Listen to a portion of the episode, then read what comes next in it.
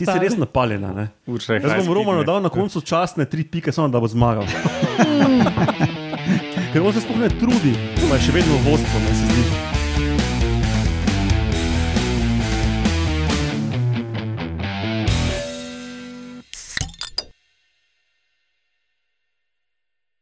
Lepo zdrav, poslušate 118. oddajo Metamorfoza, podcast o biologiji organizmov, ki vam jo, kot vedno, predstavljamo skozi lahkoten pogovor o pivu in šnopčkih in podobnih zadevcah.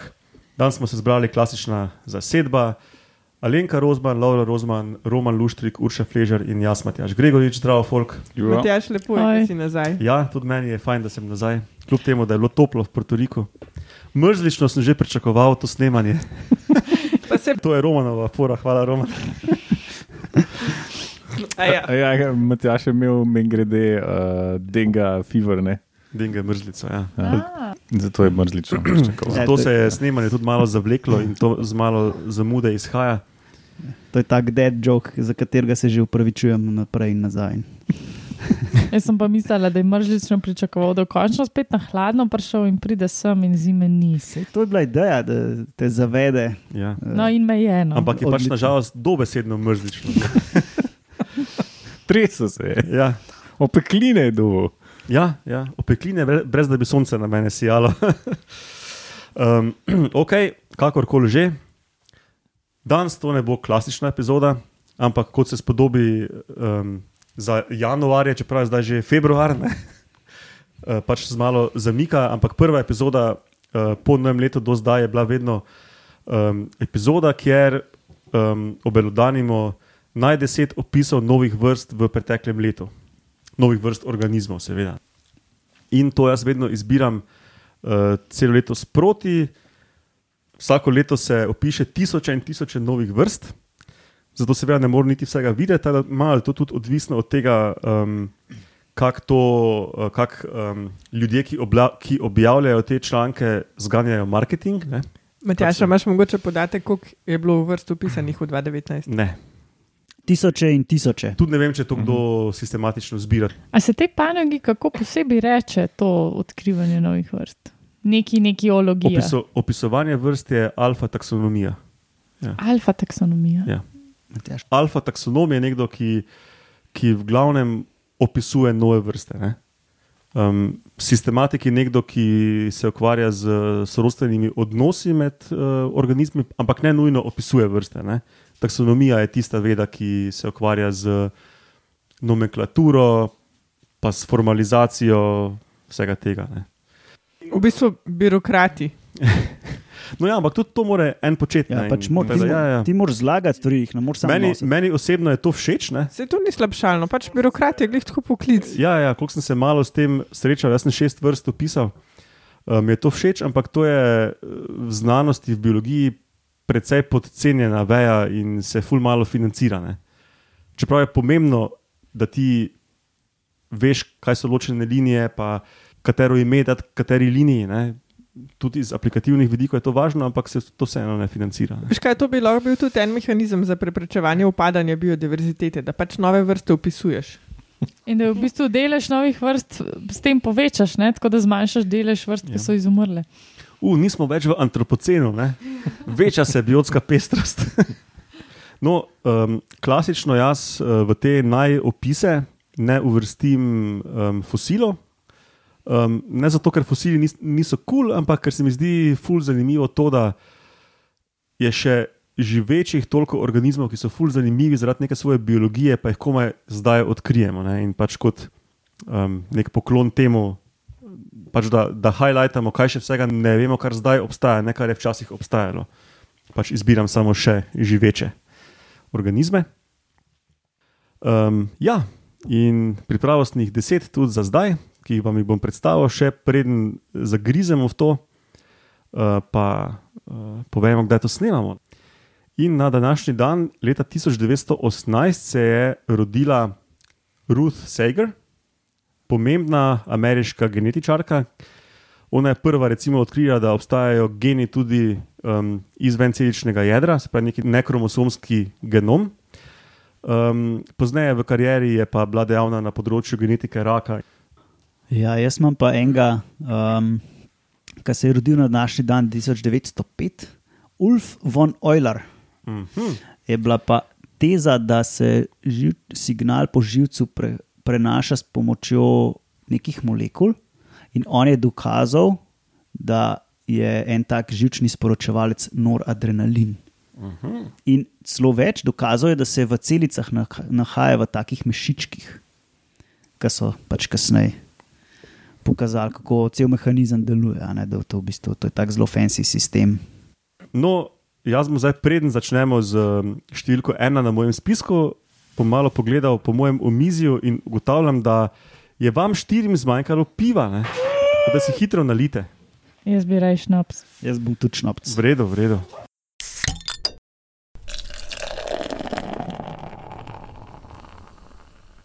Ok, čas je, da začnemo. Razvrstil sem jih malo tako po vrstnem redu od um, podnarekovaj manj kompleksnih, se pravi do, od recimo do nekih enoceličnih do bolj kompleksnih. Uh, imamo pa kar pestrost um, na spisku. Začeli bomo z enim enoceličnim eukariontom, pol bomo eno rastlino pogledali, pol so pa tudi pijavke, pa bogomolke, pa ribe, pa kače, pa tako dalje. Ne? Aha, slike sem vam tudi pripravil. Teda, mogoče vam najprej sliko pokažem. Ne? Tega enoceličnega eukarionta. Ja, no to sem zdaj že povedal.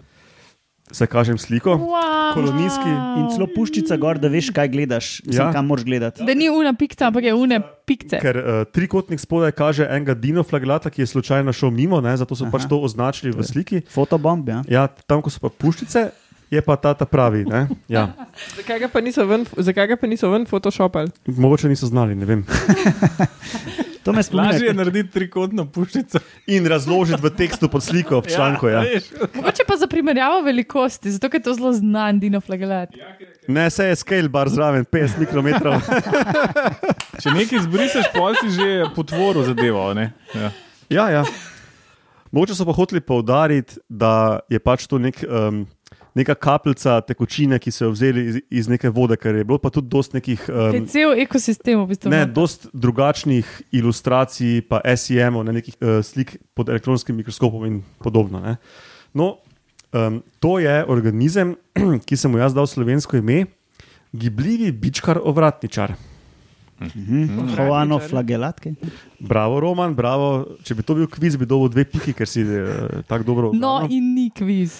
Uh, koano, Še zmeram koano flagelata ali bičkari ovratničari, um, to so ena skupina eukariontov, zdaj pa se spomnimo, da bomo vsi tudi ne biologi med poslušalci vedeli, kaj so to eukarionti. To so vsi organizmi, ki imajo um, telo iz celic, ki imajo jedro, pa organele, pa te foren. Za razliko od bakterij. Ja, ampak to niso, ja, ampak to niso samo živali, gljive, rastline, je tudi še, še enih pet skupin, šest zraven, ki so večinoma enocelični neki organizmi, ki niso ne živali, ne gljive, ne rastline. Kot dinoflagelati, recimo, ki je zraven na sliki. Ali pa kot bičkari, ovratničari, ki veljajo za sestrsko skupino živali, se pravi za kraljestvo eukariontov, ki so najbolj blizu sorodni z živalmi. Ampak niso živali. Uh, no, latinsko ime tega, ker vem, da vse poslušalce zanima in vas tukaj za mizo, ne, Koanoeka flexa. No, in uh, to je en bičkar, ovratničar iz karibskega otoka Curacao. Korazao. Ne, E, ne, Blue, ne, ne, ne. Kuratao. Uh, latino, latinoameriška španščina nima teh. ni, ni, ni, f, nimajo Ja, ja, po F. Ne, to je samo Ok. okay. castellano. A, okay, kaj Ja. ne. Blue Kuratao je en fajn liker, ki se ga v koktejle meša. Pa modar je. Um, aha, mimo grede, ko si to omenila, si vedela, da so na uh, Puerto Riku izumili pinja kolado. Ne. No, zdaj veš. To bi si mislil. No, kot sem rekel, to so enocelični organizmi, ampak tu je hakelc, ne, um, ta vrsta, na novo opisana letos, 2019, se kot nekateri drugi predstavniki te, tega kraljestva združuje v skupine. Ne, v skupine skodeličaste oblike, ampak je še ena fora tukaj zraven, da te kolonije imajo koordinirano gibanje. Um, hitro menjajo, spravi vsaka celica, vsak osebek, hitro menja um, svojo obliko, ne? in s tem se tudi spremeni morfologija cele kolonije, ki ima neko funkcijo. Ne? In potem s tem, recimo, so delali eh, v tem članku teste z intenzivnostjo svetlobe ne? in so je imela ta kolonija koordinirano gibanje, ali je, ali je kolonija nekam plavala, ali se je prehranjevala, pa neke take fore. Ne. Se pravi, neko koordinirano gibanje, ki je namenjeno neki funkciji. Ne. In zakaj je to pomembno? Zato, ker skupinsko koordinirano krčenje posameznih celic, da se potem cela tkiva spreminjajo, so izključno živalska lastnost. Tega naj ne bi imele gljive in rastline. Ne. In do zdaj v bistvu nismo vedeli, oziroma še ne vemo, kje to izvira v evoluciji. In zdaj, ko so to pri, tem, pri tej novi vrsti našli, ki ni žival, pač vejo, da vsaj prednik teh dveh skupin, se pravi prednik uh, bičkarjev, ovratničarjev in živali, je že verjetno imel to. Ne. Mm. A pa so zihar, da nisem retardirana spužva. No, ja, in ja, so na molekulski ravni pogledali, zakaj se odzivajo, kako se odzivajo, in so, um, je molekulska pot, kako gre dražljaj, identična živalim. Tako da Mhm. dejansko gre za enake mehanizme na celični ravni. Ja. Um, A si to lahko poslušalci predstavljajo, kot je pač tista velika jata rib, ki se premika, ki je ena celota? ja, eh, v tem smislu. Ja. Mm. Ja, ja, v tem smislu. Samo da so pač celice, ki se premikajo Ja. ja. kot celota. Ne. In to je pač pod mikroskopom zgleda, to je tako 100 mikrometrov premjera. A Ja, bičkari, ovratničari so, če si predstavljate, kot ene celice, ki imajo nek biček na eni strani in okoli tega bička en podnarekovaj ovratnik, ne, neko ja. strukturo. En stožec, ki tak, izgleda kot- ja, ja, dal ja. psu Ja, gor, to, to, to. stožec? Pa, Ono, da, se ne, da se ne praskajo Ja. ja. okoli vrata, pa po. Tako. Je, Kaj, pa, kaj pa je funkcija tega uradnika? ne vem. To imajo Ja. tudi spužve, take celice. Ne vem pa, kaj sluš, sem pozabil. Okay. To je res um, legitimni um, najopis, po mojem mnenju. No. Ok, gremo na rastlino. In zdaj vam pokažem naslednjo sliko. Uh, Največji, največji list. A to so šele zdaj odkrili, kaj boš rekel? Mislim, da ni največji list, ampak listi te rastline, en sam list, meri do 2,5 metra v dolžino in do 1,4 metra v širino. Ok, še enkrat bom ponovila vprašanje. A, tega, a to so res zdaj 2019 odkrili? Uh, ne, ampak opisali. Bom povedal zgodbo za tem. Spravi, to je list, ki je tako velik, da imaš ti to komod za odejo na, na postelji. za ne. jogi. Ne? ali pa še večjo. Ne. To je rastlina, ki sem ji dal slovensko ime veliko listno morsko grozdje. Okay. Um, Vele listno. Ej, Matjaž, a, latinsko, ja, povej. a ta slovenska imena, ki se določijo nekim novo opisanim ali pa novo pojavljajočim se vrstam, a se to kje zabeleži, oziroma kako se to uveljavi potem? To ni nič formalnega. Mhm. To si lahko zmisli bilo kateri biolog, praktično ali pa verjetno splošna javnost. Če bi splošna javnost dovolj uporabljala neko, nek izraz, se bi to uveljavilo za splošno ime. Ne? In ja, pač um, doskrat se dogaja, da kdo da neko ime, ki ni čisto primerno, pa se potem to ne upošteva. Pač to ni nič formalnega. Ed, edino formalno ime je znanstveno ime. Koštrkava Um. bekica. inside joke. Um, no, znanstveno ime veliko listnega morskega grozdja je Kokcolobija gigantifolia. Mhm. Veliko listne, ja. Ja, ja. Je iz brazilskega amazonskega gozda in to je drevo, ki zraste do 15 metrov višino, ima eno osko, uh, pač osko do 15 metrov visoko deblo, ki ima samo na čist, čist na vrhu eno malo krošnjo, samo nekaj listov, čist čist gori. ne. Pole pa čist golo 15 metrov. Ker če avokado doma posadiš, sam pač giant. Sam, zakaj pa morsko grozdje? Uh, iz tega rodu je kar nekaj uh, vrst rastlin znanih, dreves, ne, um, ki so kar razširjena po Karibih in verjetno tudi po Južni Ameriki, no, ampak po Karibih so kar znana. In uh, plodovi so v takih um, grozdih, ne, da malo spominja na, na naše grozdje. Sem Šakirov vprašal, če to jejo. In je rekla, da po njihovih plažah je tega ful po, po Portoriku, ampak da oni tega ne jejo. Sem pa v španščini bral o tem rodu na Wikipediji, prosim. In sem celo uspel razumeti v moji polonjeni španščini, da so plodovi sladki in da jih uporabljajo za marmelade ali pa za pecivo, ne pa za slane, slane jedi. Ampak in zaradi tega pač imenujejo to. eh, V španščini im- imenujejo obaljno grozdje, v angleščini morsko grozdje, meni se pa v, v slovenščini tudi morsko zdi lepše kot obaljno. Se pravi, če bi bila sila, bi lahko tudi alkohol z tega skuhali. Glih sem Ja, ja, reči. ja, ja, Šest cviček. Kako da vina ne delajo, ali pa saj sadjevca. Fermentiral bi lahko sigurno. Zdaj, če bi dobre ar- arome ven prišle, ne vem, ampak Aj problem, ni. Ja. Ja. no, um, zdaj pa Urša, kaj je zgodba za odkritjem tega? Ne? To rastlino poznajo že 35 let. Ampak, ne, Genetika. ne. High speed kamere. Jaz, če bi bil to kviz, bi dobila minus eno piko.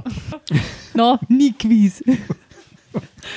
zdaj vodi roman z dvema pikama, Laura pa Druga druga je- je nič, Urša pa minus Četrta je Urša. Vse četrto mesto Urša je skoraj na podiju. Aha, Alenka že piše. No, pač pred 35 leti, očitno iz amazonskega gozda, bog ve, kje to raste, nekje globoko noter, ne? niso znali teh velikih listov tako prenesti v muzeje, da jih ne bi vse polomili, ko so se posušili, pa to vmes. Ne? Pa tudi niso našli uh, cvetov ali pa plodov, ki so nujen del taksonomije rastlinske. Ne? Ki so vse pojedali. Ne, to, to zato, ker niso imeli tako velikih časopisov, da bi lahko list noter dal pa v herbari. Zdaj, za vse Čakaj, to nebiologe- govorimo 35 let nazaj. Ja, za vse nebiologe poslušalce, med časopisne liste prešamo rastline v, v herbarije. ne. To vsi vejo, ker to je v stisneš, osnovni šoli klasična domača pa- Jaz tega naloga. nisem v Ker osnovni se te šoli. hoče tršice znebiti, oziroma celega razreda pač reči, eh, naredite herbari 10 rastlin do naslednjega tedna. V Mariboru tega nismo imeli. Zato so oni radi v šolo hodili, mi pa ne. Zato No, no, Ampak, ampak 2010, se, se pravi 9 let pred opisom, so pa našli eno drevo, ki je odmiralo in je imelo semena gor. In ker je odmiralo, niso mogli drugega materiala, razen semen, uporabiti za opis vrste, se pravi, ni bilo dovolj, dobro, dovolj dober material za opis vrste, so pa vzeli semena, jih nesli v en botanični vrt, vzgojili flanco, drevo je zraslo v devetih letih, začelo cveteti in ploditi, in so opisali vrsto. Hmm. Hmm. Se pravi, ne, samo to so bili res nesposobni. Če so na terenu to gledali 35 let, pa niso bili sposobni Ne, ne, opisati. ne. To pomeni, da so pred 35 leti prvič opazili. Jaz ne vem, koliko so to opazili, kak je pogosta. Moče se ne vem, za čovni voziti dva dni, da priješ na plac, ker je to. to Ampak če po Turiku to očitno pogosta zadeva. V Portoriku so vrste istega rodu, ne pa Aha, ta okej. vrsta. Ta vrsta je nekje v amazonskem gozdu. Uh -huh, uh -huh. Veš kaj, po mojem so posekali do tam, ker zdaj to raste, a ne pa je zdaj lahek dostop. Sam res. Ja, prej so pa, ker toliko časa potuješ do tja, že ves, svet- že ves cajtank ponucaš za vece papir in pač nimaš več. No, Je. vidiš, v bistvu V niso to pa niso hoteli zvideti. Ja, ni šlo, če dva pa polkrat, pa ena pa pol. Bi se potrudila, ne se tepih tudi v rol preneseš.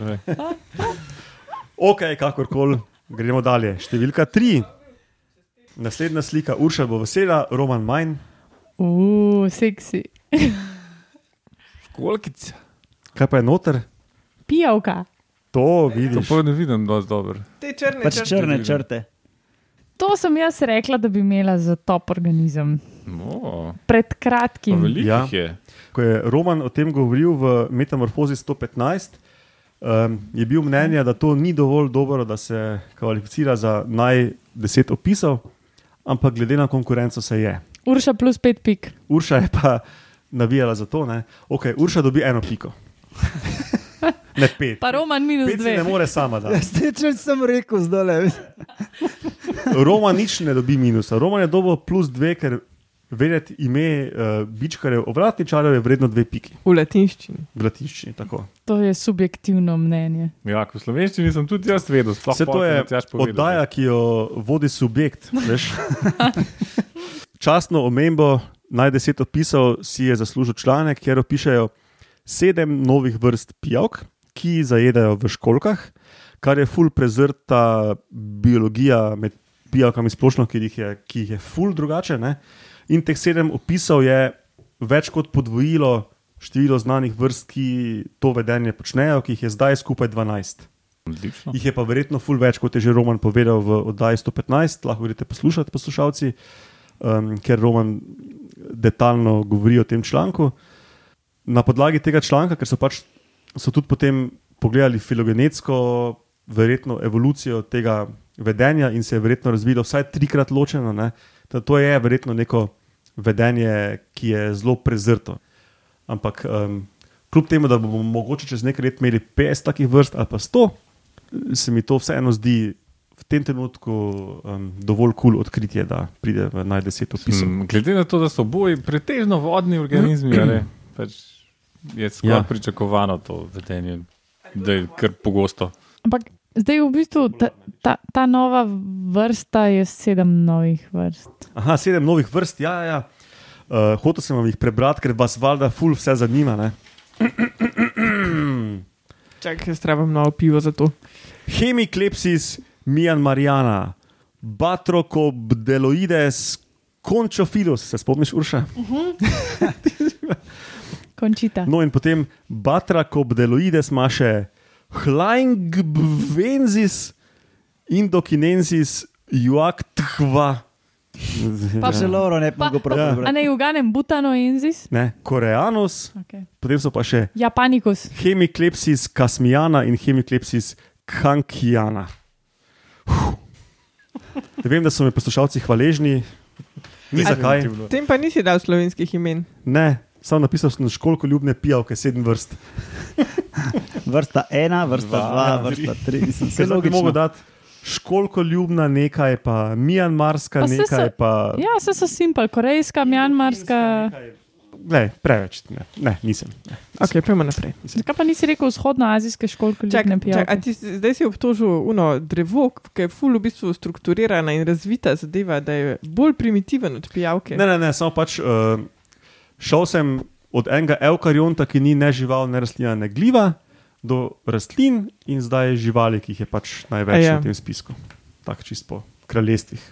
Nekaj sem pač to mogel. Ne. In pa če je izbral pravi način. Pač. Big deal. Edini pravi način. ne. Okay. Naslednja slika. Kaj je to na sliki? Jaz ne vidim. Žuželka. Ja, tako Je izgleda, res žuželka. Osa. Ja, Nekje, Urša je rekla osa. kosa, ja. Ja, poglej, kakšen ima ja, antene mi, mi delujejo. krila, pa se to je osa, drugega ne more biti. Samo take tipalke, blesajo. Osa. No, Dobim piko. vesel sem, ne da niste dve. ugotovili. Ne? Nekaj, Uh, Roman, pogled nogice sprednje. Bogomolka. Bravo. Mhm. Vse to si že napovedal, se jaz spet eno piko dobim, Ne. ker sem poslušala intro. Ja, Ne, kako ne? Ok, pol pike, urši. Ajde. Ok, pol pike. Jaz No. nad nulo. To je organizem, ki sem, poimenoval, ki sem ga poimenoval Wheelerjeva osata bogomolka, Vespa mantoida Wheeleri, pardon, Vrljeva osata bogomolka. Vrljeva. Vrl- Vrli. Zakaj pa ne kolesa sta? Eh, ker sem jaz narobe prebral, zato ne.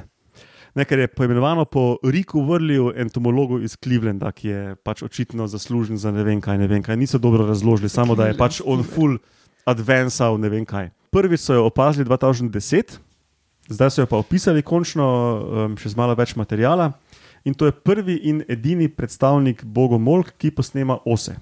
Ti so tudi trebali devet let, a ne? Ja, am- ampak res In- dobro ponaša. ne. Zelo dobro je. Ja. Ja, pač, mene je ful em, zavedla. Prvo je to, da ima pač te žive rdeče, oranžne barve kombinirane z temnimi, črnkastimi deli telesa. Ne? Pol ima ta zažetek med oprsjem in zadkom, ki je fulž značilen za ose in ne za bogomolke, ampak ta ga ima. Uh, ima ta splošen osast videz, ki res, pač, če vidiš sliko, si misliš osice, mm. Antene. tudi hodi kot osa in zdaj vam bom pokazal video. Oh, nice. Je to na bananinem listu. Lej, malo celo zadek, se mi zdi, kot da utripa z njim. Pa z antenami. Pa z antenami tako. miga, pa Ja, tako ja, mislim, hitro, čist- pa rapidne, tako gibe, prav kot osa. No. Čisto ja. skini. Ja. Dobro. Um, in je tako res impresivna mimikrija. ne. Um, ja, no, in to je to. Okay, ta je kar legitimen. uvrstil. Ja. A si povedal, zakaj oponaša? A sem jaz, Um, Mislim, zakaj oponaša. Pač. Pač, Mislim, a se um, prehranjuje s temi osami? Ne vem. ne, po mojem, to odvrne vizualne plenilce ali ptiče. pa To. Mislim, iz- zgleda kar strupeno. Večina bogomolk oponaša liste, palčke, lišaje, ne vem kaj vse. Ne? Mhm. Ta pa pač očitno neko, neko nevarno žival, tako marsikatera um, sicer ne strupena žival oponaša strupene živali. Ne? Recimo muhe trepetavke pri nas oponašajo ose. Ne? To je po mojem čista fora.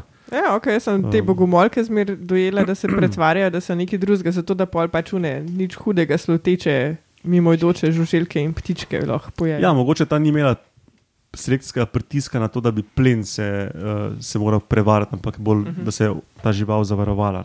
Um, ok, naslednja slika. Ena bogomolka. Ja, to je A še že ena bogomolka, ki sem jo poenoval Simpirina lišajka. Carikerela simpira. To vam še ne pove nič o biologiji, ki se tukaj zdaj skriva. En rok ima na glavi. Vam vseeno dam možnost, da si malo bolj pogledate sliko. Tle ima povezane Zgleda rabljeno. noge, pa rok ima na glavi. Tako kot kostnaška. Pa mečkana je. Rok na glavi je pogost, ta oponaša lišaj, drugače. Mm. Ta. A je mečkana. Ker je v kakšnih severnih Zdaj pa, če pogledate živi. noge, te grabilne noge. Ne? Ja, povej, tako izrastke ima blesave. Točno to, bravo, Lauro, pol pike, izrastki blesavi. Pol. Izrastki blesavi, ki jih bom zdaj pokazal v naslednji sliki. Zdaj pa niso več tako zelo blesavi. Zdaj, ja, ti ne blesavi izrastki, ki so nazobčani, ne? običajno bogomolka zagrabi plen, da ga stisne z enim delom noge ob drugi del nog. In na notranjih delih teh nog ima špice. Ti špici so pa na drugem delu nog. Ne? Se pravi, če bi normalna bogomolka, za, vam, za poslušalce jim kažem sliko, ne? zgrabila plen tukaj, so ti špici na hrbtni strani noge. Ne? In so se ti ljudje vprašali, ja, pa hudiča, zakaj pa to ne? In so opazovali te živali v laboratoriju, in so to prve bogomolke, pri katerih so opazili, da napiknejo svoj plen. Se pravi, namesto da bi ga zgrable, pač ga butnejo z nogo in ga, prav, in ga prav napičijo, kot na kol. In ga dvignejo od tal, in je oni plen napiknen tam. Kot šiške bab na Kot šiške bab, točno Ja. to. Ne? Izjemno. Ražniči. In uh, potem, ko so to opazili, so rekli: wow, ne, šit, to moramo bolj pogledati. In so šli po muzejskem materialu, po znanih, uh, po znanih skupinah bogomolk in so ugotovili, da v tej družini bogomolk se je to razvilo trikrat, oziroma vsaj v treh rodovih, pardon, ne nujno trikrat, no, ampak um, je v bistvu bilo popolnoma spregledan ta način plenjenja, ne? ampak niso pa še pač testirali v ostalih vrstah, ki imajo tako zgradbo um, sprednjih lovilnih nog, ampak zelo verjetno tudi tiste mm. napiknejo plen. ne. Tako, zelo lep uh, tak, uh, dokaz, da oblika narekuje funkcijo. Ja, ja. In, je, in so dali tudi um, supplementary material k članku, kjer so um, CT sken teh nog naredili in lahko um, vzameš file in ga 3D obračaš, kakorkoli hočeš, in ga gledaš iz vseh smeri. in Tak, no. Cool. Tako da um, članek je prosto dostopen. Če, ne, mislim, da članek ni prosto dostopen, ampak je supplementary material prosto do, dostopen. Tako da vsi ti linki bodo v zapiskih in lahko poskrojate do supplementary materiala in gledate 3D model teh nogic. No, um, potem pa še imene, Carikerela Simpira, rote že obstajajo prej. Simpira se pa nanaša na rogato mitično bitje iz Amazonije in glede na pripovedke um, lokalnega plemena po imenu Šipibo Konibo. Um, je Simpira neko mitično bitje, ki, roko, ki ima sposobnost ful iztegniti eno roko in zagrabiti na hitro um, nek svoj, neko svojo žrtev. Ne. So pač potem poimenovali. To je ista fora, kot čupa kabra. Ne. By the way, čupakabra je tudi iz Portorika. ja, saj zato. Čupakabra ima se salo in pleni ovce, nič hudega s letečim kmetom, ampak nič ne iztegne rok. bi- Samo se salo. To Ja. je Street Fighter, je daljši tak, stegnuje roke, pa noge. Ti bom pokazal enkrat. Spomnim se. To je bila simpirina lišajka. Naslednja žival je pa to, Riba. Kit? Ne, morski pas. bravo, Urša, morski pes. V tretje gre rado. No, kakšne pike. Ajde, pol pike, Urši. No. Če se že gremo kviz. V bistvu ti zagreš kviz. ampak- Ja, to sem enostavno poimenoval žepni morski pes, ker nikjer nisem našel na internetu uh, kakšnih bolj podrobnih imen. Ker, čeprav tudi žepni ni prav, ker žepni nakazuje majhnost. Ne? Ampak uh, v angleščini je pocket shark, v nemščini je tašenhaj, taše je žep, ne? haj je morski pes. Žeparski ne moreš dati, ker to nakazuje neki kleptoparazitizem, tega ni. Ne? sem pač rekel, žepni morski pes, ampak mi ni čisto všeč, tako da sprejemam predloge. Znanstveno ime Molisquama mississippiensis. Aha, misisipijski žepni morski pes. No, in kaj zdaj je fora, zakaj sem tega izbral? Ne? Spada v družino zmaje plavutih morskih psov ali po angliško kitefin sharks, dalatide in to so ti globoko morski, čudni morski psi. Mislim, da si imel ti, Lauro, pred 100 oddajami za eno Halloween oddajo Cookie Cutter Shark. Tega se En- spomnim. En, Znam en biti, globoko morski, ki tako čudno odgrizne en taki pravilni krok mesa žrtvi. Mhm. Um, Sam po imenu se spomnim. Ja. pa- no, Jaz- nekdo je to imel. No. Ja. Ta Cookie Cutter Shark spada v to, skup, v to familijo. Ne? Mhm. Ampak um, znotraj te familije je pa skupina teh žepnih morskih psov, ki je bila znana samo z eno vrsto in še več, samo z enim osebkom Wow. do zdaj. No, in to je drugi osebek, sploh kadarkoli najden iz skupine žepnih morskih psov, in je seveda druga vrsta kot oni prejšnji osebe, ki so ga poznali. Oni prejšnji osebe, ki so ga poznali, je bil iz um, Pacifika, nekje ob Čilu, ob Čilu, ja. Um, ta je pa iz Mehiškega zaliva, zato pač Mississippiensis. Kaj to jih naplavi ali kako jih to najde, z unimi roboti globoko morskimi? Ja, uh, mislim, da so tega našli, ali onega prejšnjega, našli s tistimi roboti, ko grejo ful globoko dol, tisti Noah Project ali kaj je že. Ne? Mhm. Um, Majo, so majo, na Twitterju imajo račun, zelo um, fino. Ja. A pa so tudi res mehki, kot imena kazuje, ali niti ne. Um, mislim, da so, mislim, um, za morske pse so kar majhni, za ribe nasplošno niso majhni, no, ampak Mhm. so, mislim, da so vsi pod 2 metra. No, okay. Tako da ja, so pač relativno majhne živali za morskega psa. Um, na splošno predstavniki te familije imajo bioluminescenco tudi, ne? Spravi, tudi morski psi svetijo, um, nekateri. Ne? Sveti morski pas. No, in um, ti so znani, ti žepni morski psi so dobili ime po enem žepku, ki, ga- ki, ki ga imajo za prvimi plavutmi, ampak seveda dva osebka mrtva imamo, ne, ne vejo, zakaj so ti žepki. Hipotezi sta, da ali so noter feromoni ali pa kakšna tekočina za bioluminescenco, se pravi za to svetenje. ne. Čakaj, žepki odprti ali zaprti, ali to so Take mehurčki? kožne ali kako gube, uh, vse se vidi na tej sliki, ko sem vam pokazal. Če ful zumiraš noter, vidiš tukaj žepek za plavutjo. Taka reža. Aha. Lahko bi bil žepasti. Ja, žepasti bi lahko bil, ja.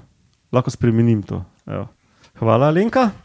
Če kaj ne veš, ti kar mene vprašaj. Se v naši družini večkrat zgodi, da imajo ženske to funkcijo. Ja.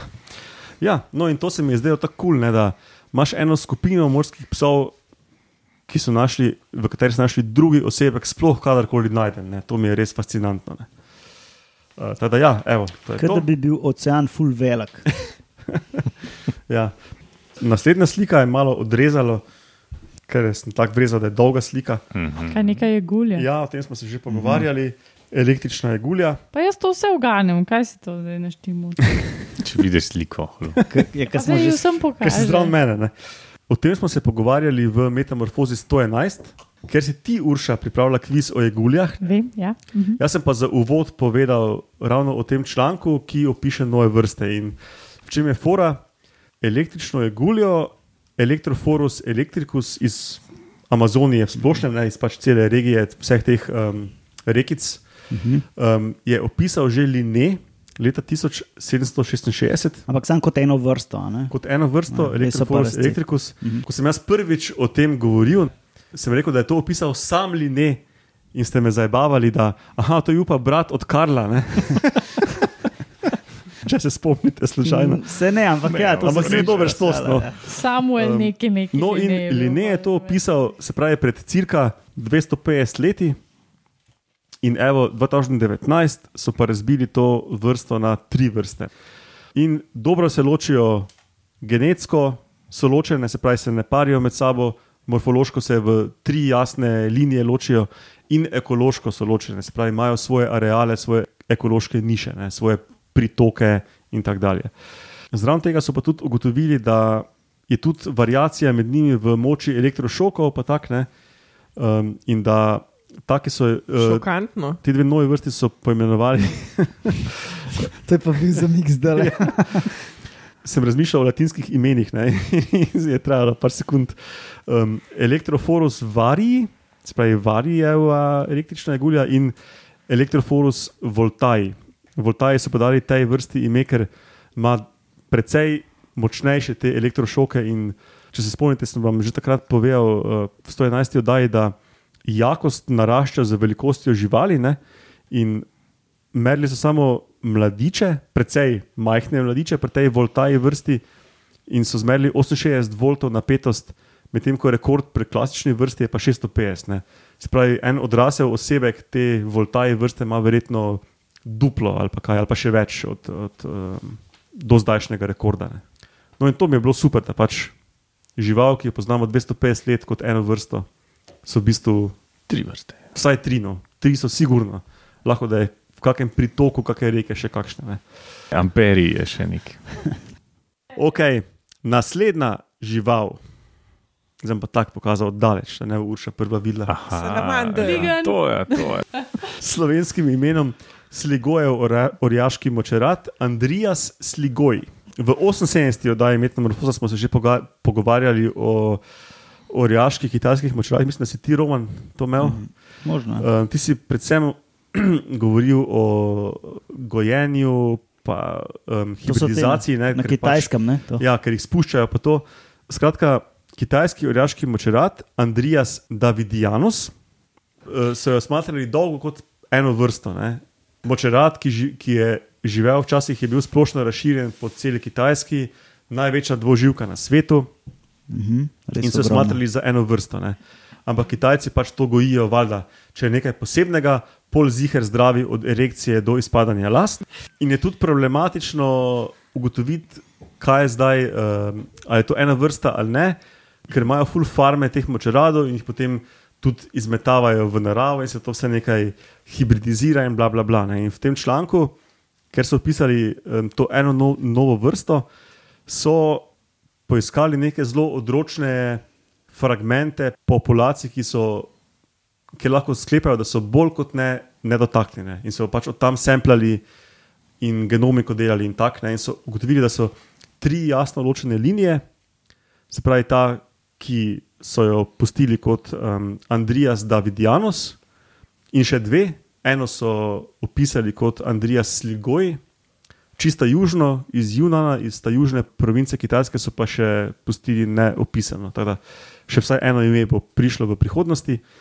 Um, ta sligoj, ta sligojev, orjaški močerat, um, iz te populacije tudi prihajajo največji osebki. Um, se pravi, to je verjetno tudi največja dvoživka znana danes in dosežejo 180 centi in 60 kil. Pa to je kot človek. Ja, To je en roman. Prav jaz dobim pet pik, ki sem uganila. pol pike, ker si uganila. No, okay, da, kljub temu, da smo se o tem že pogovarjali, se je pač meni zdelo, da to so vseeno tako velike spremembe v nekih zelo karizmatičnih um, organizmih, da je to vredno nominacije. Okay, um, za to žival ne boste dobili pike. Naslednji, um, že deveti naj opis je to. Žaba.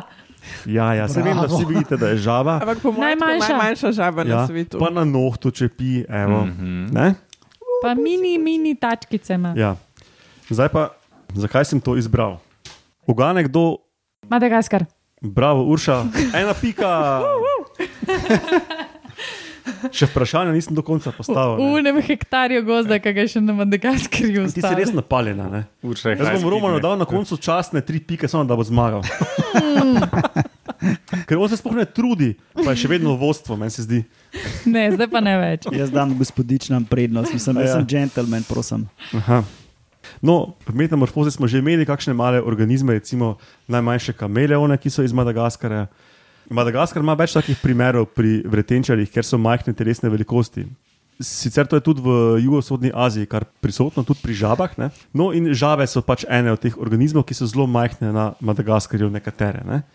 In znane so bile že male žabice iz Madagaskarja, ki so jih čisto zaradi velikosti, klasično po morfologiji, ne, pred, pred genetiko, jih je klasična taksonomija tlačila vse v en rod, kao, vse so majhne, to je vse žlahta. Pa ni čist tak, ne, kot je ta članek zdaj uh, Frišen pokazal. Ne. In ta Frišen članek je tudi opisal pet novih pritlikavih žabic, ki so vse pod centi pa pol velike. Predvsem pa so pa te tri, ena od teh treh, ki je najmanjša, sem vam jo zdaj pokazal, tri so pa res majhne um, in so v svojem rodu. In rod so poimenovali Pigmus. mini, A ne In- mikro. najmanjša vrsta Mi. in tipska vrsta rodu je minimum. Pa pike roman. Po Ne, pike ne, roman, ne, ne. daj po pike roman, da je koncept. zakaj? Celo piko, ker je koncept organov. Ja. Koncept je najtežje oganiti. ne. Polk imaš koncepte, itak Ja. trivialno. Druga vrsta je mini skule, spravi miniskul, Mhm. in Oh, tretja je miniature. Ja, pa milimeter, Ne. ni To še. so, to so tri vrste. Minimum, ki je najmanjša od teh treh, čeprav samo za milimeter ali dva manjša od onih dveh. Um, samci so veliki do 9,7 mm, najmanj, ne? in samice najmanj 11,3 mm, od nosa do riti, do repka. Ne? Brez da bi ti za nekaj noge stegnil, to se ne šteje. Ampak. Trup. Ja, trup. Tudi so okar, okarakterizi, okarakterizirali oglašanje in se fu razlikuje med vrstami, bla, bla, bla. Ne? In so potem tudi pogledali v splošnem evolucijo manjšanja telesne velikosti pri tej skupini žab in so ugotovili, da se večkrat zmanjša telesna velikost. Tisti drugi dve vrsti, ki so v tem članku opisali, ki sta 1,5-1,6 centi, um, sta v enih drugih rodovih, tako kar stran po filogeniji. In tudi njihova analiza kaže, da je, da je verjetno neka evolucijska korelacija s prehodom iz, um, iz krošen, iz grmov in dreves na tla, da je povezana z zmanjšanjem telesne velikosti. Ne. Da so predniki bili večji in živeli v krošnjah, in potem linije, ki so šle na tla, v steljo, se zmanjšajo. Ne. Sam, a, to, a to je prednost, če si mečkan, če te nekdo Ja, ja, ampak- pohodi. Če si predstavljaš tropski gost, ne, ful je listja pa tega. In med tistim listjem je ogromno ful malega plena, ne. nekih skakačkov, malih milimetrskih, pa pršic, pa nekih teh pizdarine. Pa tudi ti se tam rineš med ono steljo, med onim listjem. Ne. V bistvu, se meni kar zdi logično, da je to ena taka niša, ekološka, mogoče. Ne. Ne vem. Ja, zakaj ne? Zakaj ne? Po drugi strani imaš pa ful prednjivcev, Ja. ki te pojejo, če si manjši. Pajki. Ja, če se spomnim na moj teren na Madagaskarju, po noči posvetiš s čelko okoli svoje osi in se ti zasveti stotine stvari, polovica so kapljice, polovica pa oči pajkov. Ampak brez pretiravanja, polovica. Glavno vse te lovi na Madagaskarju. Ja, Zato jaz ne bi šla sploh tja. Se ti nisi na seznamu, veš, pajkov. So se. Ni, nisem tako You're too mini. fat. Um, ok, in še deseti organizem, ki se je znašel na spisku najopisov leta 2019. Um, to se ne šteje za točke. Kača. Navadni gad. No, v, v eni knjigi rekordov, ki jo dobiš pri enem večjem trgovcu v Sloveniji, je tudi en navadni gad, pa je not neki ta tako zelenga. Ja, joj. No, to je piton, ki je ful popularen v um, tem.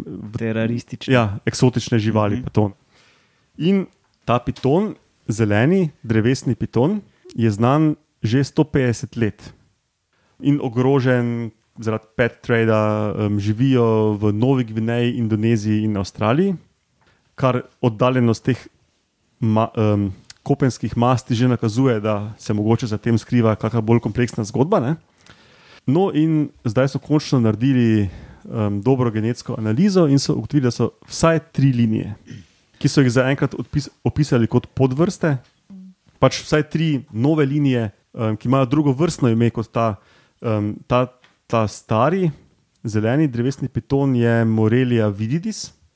Ta druga linija, ki ima pa tri podvrste noter, je pa um, Morelia azureja in podvrste so azureja, utaraensis in pulhere. Hm, Lep, lepa. Ja, um, uta, Lepo. utaraensis mislim, da je nekaj za južnim, um, azureja pa barva. kaj? Azuri. Ja. Ja.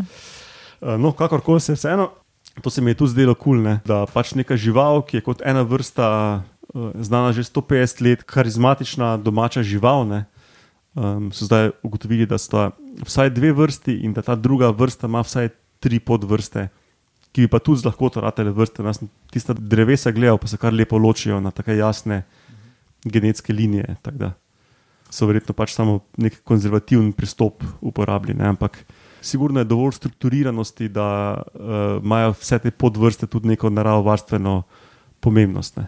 Mm.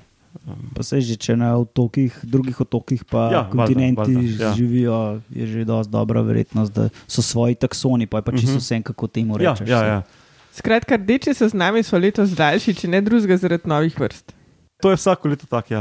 V bistvu, dosti vretenčarjev, ki se opiše, um, kače, kuščari, žabe, karkoli. novo ne. no, no vrsto in takoj povejo, da je to kritično ogroženo in živi samo na tem malem fragmentku habitata tam in tam. Ne. No, da razglasimo še rezultate, ne kviza. Uh -huh. Zadnji je Matjaž z nič pikami. Bravo! On je z. Matjaž ima NA, ker ni sodeloval. Kdo je Točno četrti? Ja, Skoraj na podiumu. Mi dva z Laurotom si deliva četrto mesto. A z nuč, nič pikami. Ne, s pol. Oh, bravo, bravo, bravo. Skupaj imamo celo. Za trud. Uh, pol je Urša.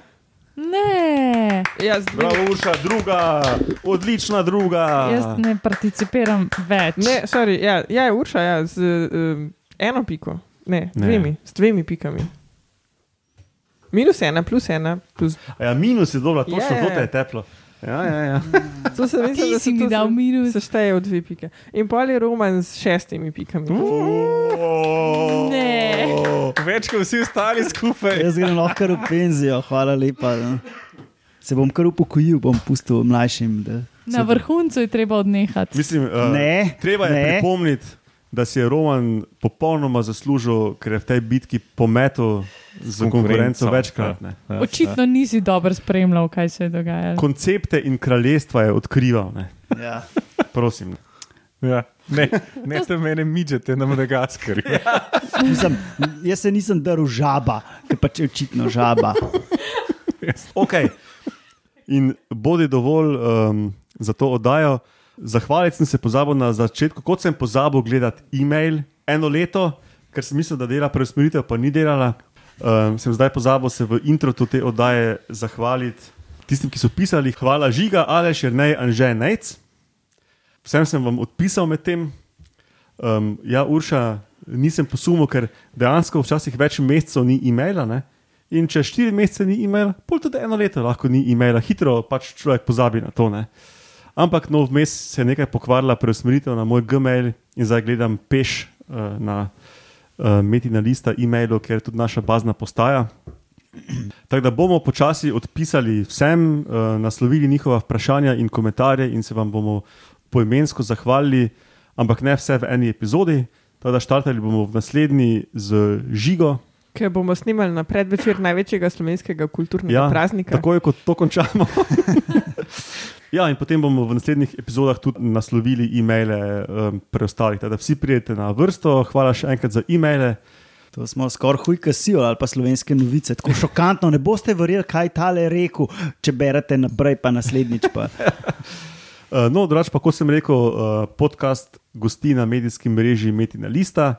Uh, tam so arhivi uh, vseh naših, zdaj že 118 oddaj. Uh, imamo tudi e-mail, ta, ki ga nisem gledal eno leto, pa ga zdaj gledam vsak teden, enkrat. Uh, in to je metamorfoza afna, metinaliste.si. Tam nas, nam lahko splošno kot skupini pišete, ali pa tudi osebno naslovite. Bom posredoval sporočilo vsakemu posebej. Naprimer, čestitke Romanu za zmago. Recimo, ne. Um, Moša ti to ful osebno jemati. ful, hvala vsem, ki ste donirali, donirate ali še boste donirali ali kakorkoli podpirate naše delo, ga širite. Vaša podpora nam je pomagala k nekaterim pomembnim premikom, ki jih bomo obelodanili tudi v naslednjih epizodah, ko jih do konca izpilimo, ampak se dogajajo. Teda ja, um, hvala vsem poslušalcem za poslušanje in podporo, vam štirim za sodelovanje in do slišanja prihodnjič. Ajde. Hvala. Čez Pa, pet pa. minut.